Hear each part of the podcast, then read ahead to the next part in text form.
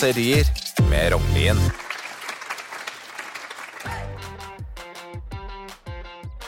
Pendlerne på Østlandet er forbanna. De føler jernbanen gjør alt de kan for å ødelegge livene deres, og at det er det eneste som de faktisk lykkes ganske godt med. Det er mange ansatte i jernbanen som fortsatt er i live, fordi blodtørstige kunder er handlingslammet etter et par timer utendørs i 20 kuldegrader, ventende på et tog som aldri kommer.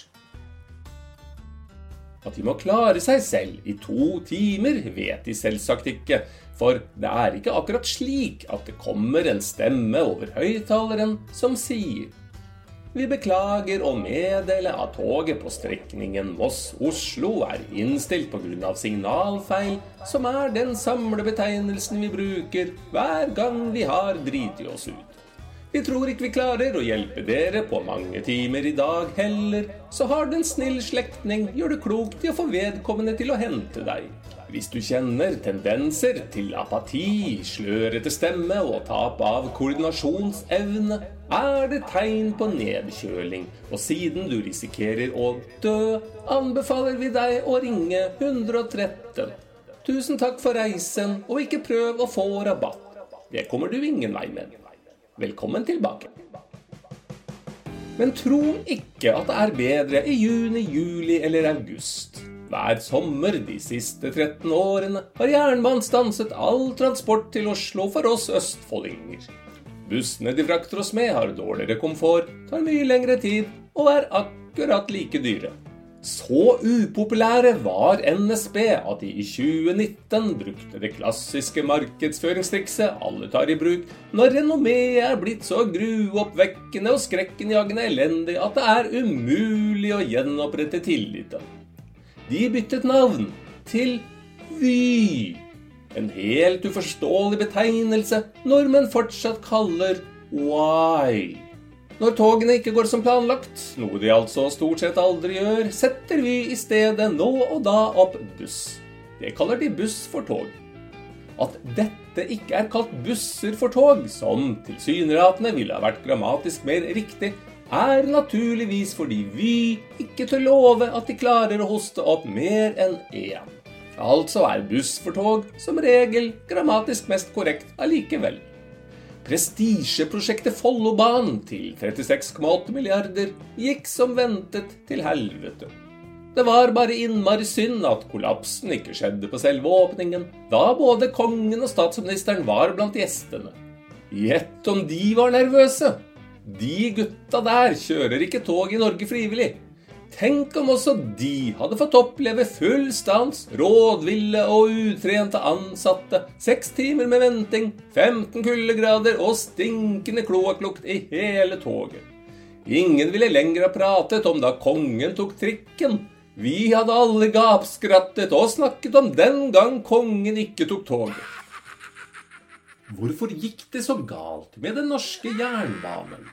Forklaringen ligger 80 år tilbake i tid. I glansdagene, da ingen irriterende innbyggere stilte kritiske spørsmål til budsjettoverskridelser på 20 eller 30 milliarder per prosjekt.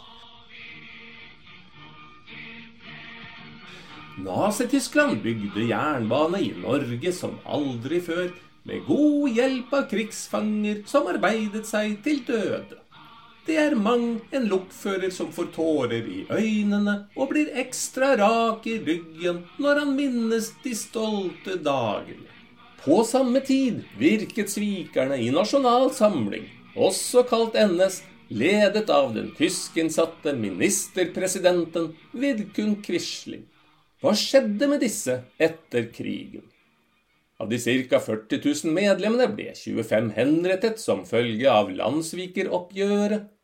Etter at plan A feilet, som var å vinne krigen, iverksatte de resterende medlemmene av NS plan B. Dette ble naturlig nok kalt NSB, og alle sammen overtok jobbene på jernbanen etter de frigitte eller døde krigsfangene. NS-medlemmene søkte rett og slett etter et sted hvor alt ble ved det gamle.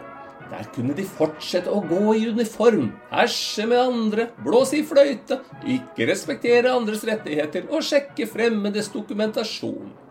At de allerede var trent i å bli oppfattet som landssvikere, var heller ingen ulempe nå som de skulle jobbe i jernbanen de neste tiårene.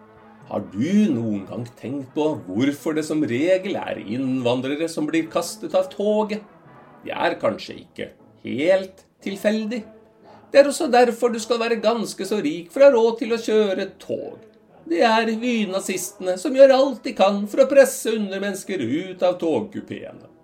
Det var fryktelig synd at Hitler ikke brukte NSB til å organisere jødedeportasjonene. Det kunne ha reddet millioner av liv. Sannsynligvis hadde de aldri sett snurten av Auschwitz. Men én ting skal jernbanen ha. De er umåtelig viktige for konkurransekraften. For noen år siden kom det forskningsresultater som viste at Østfold lå helt i landstoppen med flest etableringsforsøk og nye bedrifter. Alle disse er tidligere pendlere på Østfoldbanen som tenkte Faen i helvete, dette orker jeg ikke mer. Jeg starter for meg sjæl. Resten av togkundene får gjøre som andre djerve nordmenn som risikerte livet i kampene mot Nazi-Tyskland. De får feste en binders i jakkeslaget. Alternativt kan de utvise tonnevis med sarkasme og ta på seg en rød nisselue.